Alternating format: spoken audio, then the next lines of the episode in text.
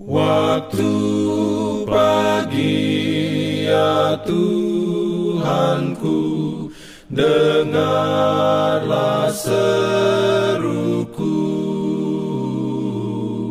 Melayang doa yang sungguh Memandang padamu Selamat pagi pendengar Radio Advent Suara Pengharapan. Mari mendengarkan suara Tuhan melalui tulisan pena inspirasi Agama yang bersinar Renungan harian 4 Mei dengan judul Sukacita yang didapat dari Tuhan tidak pernah gagal. Ayat inti diambil dari Mazmur 4 ayat 8 Firman Tuhan berbunyi Engkau telah memberikan sukacita kepadaku lebih banyak daripada mereka ketika mereka kelimpahan gandum dan anggur. Beroleh rahmatnya diberikannya perlindungan dalam Urayanya sebagai berikut. Orang Kristen seharusnya tidak menetapkan nilai yang terlalu tinggi atau terlalu bergantung pada perasaan bahagia.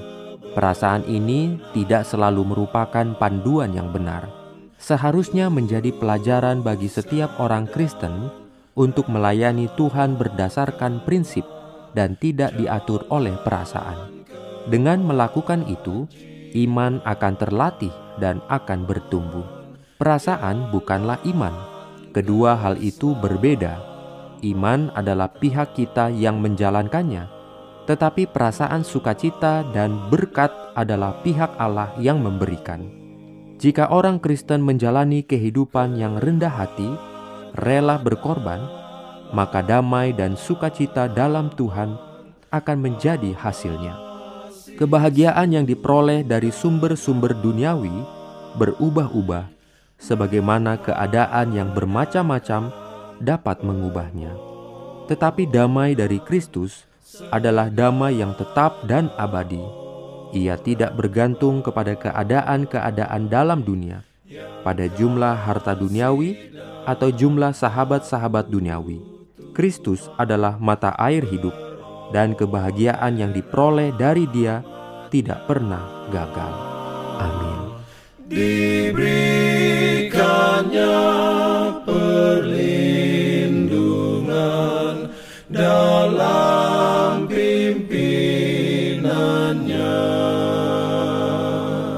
Pimpin aku ya Jangan lupa untuk melanjutkan bacaan Alkitab sedunia. Percayalah kepada nabi-nabinya yang untuk hari ini melanjutkan dari buku Ayub pasal 40. Selamat beraktivitas hari ini. Tuhan memberkati kita semua. jalan kewajiban.